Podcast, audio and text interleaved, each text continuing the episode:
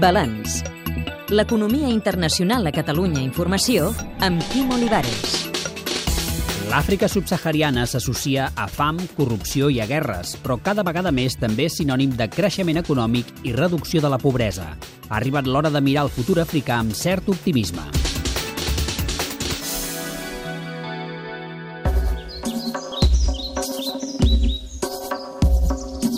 Antoinette Sayer, directora del Departament Africà del Fons Monetari Internacional. Certament veiem una bona actuació continuada d'alguns estats de l'Àfrica subsahariana durant el 2012 i el 2013. Les nostres prediccions són d'un creixement d'un 5,25% en els dos anys.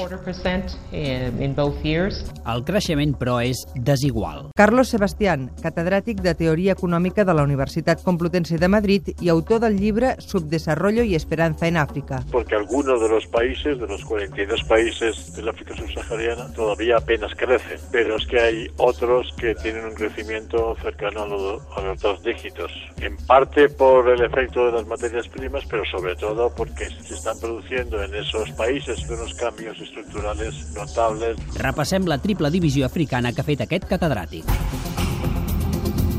Els 11 emergents, que per aquest ordre tenen un creixement sòlid i millors perspectives de futur. Botswana, Maurici, Sud-àfrica, Namíbia, Ghana, Etiòpia, Moçambic, Ruanda, Tanzània, Uganda i Zàmbia. Els preemergents, que cal seguir-los de prop. Burkina Faso, Kènia, Lesotho, Libèria, Sierra Leone i el Senegal. I els grans productors de petroli. Nigèria, Angola, el Txad, el Gabon i el Sudan.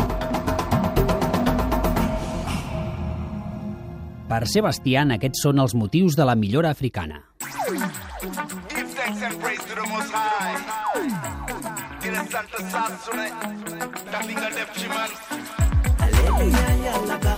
S'hi ha reduït la corrupció, ha augmentat la seguretat jurídica i la Xina hi ha invertit 75.000 milions de dòlars en l'última dècada. China importa masivamente recursos naturales producidos por África. Es un inversor, algunas veces despreciando la situación de derechos civiles de la población autóctona, pero otras veces asumiendo que las cosas están cambiando en África y que no puede llevar esa política.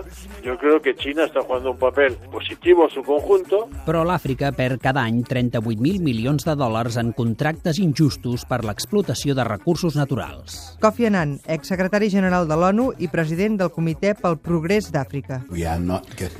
No estem obtenint una part suficient dels nostres recursos ni els ingressos que ens mereixem, sovint per pràctiques corruptes.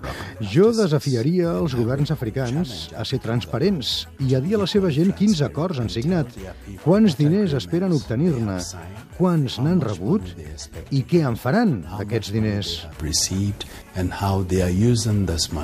Países con grandes recursos naturales, pero con muy débiles instituciones políticas, eh, la aparición de recursos naturales es una maldición, porque elimina la posibilidad de crecimiento en otras líneas y los mecanismos de poder y de extracción de renta se centran en ese recurso natural. Un exemple, Nigèria. Es el séptimo país exportador de petróleo del mundo y su situación no ha mejorado en los últimos 30 años. ¿no? D'altres sí que han sabut aprofitar els recursos naturals.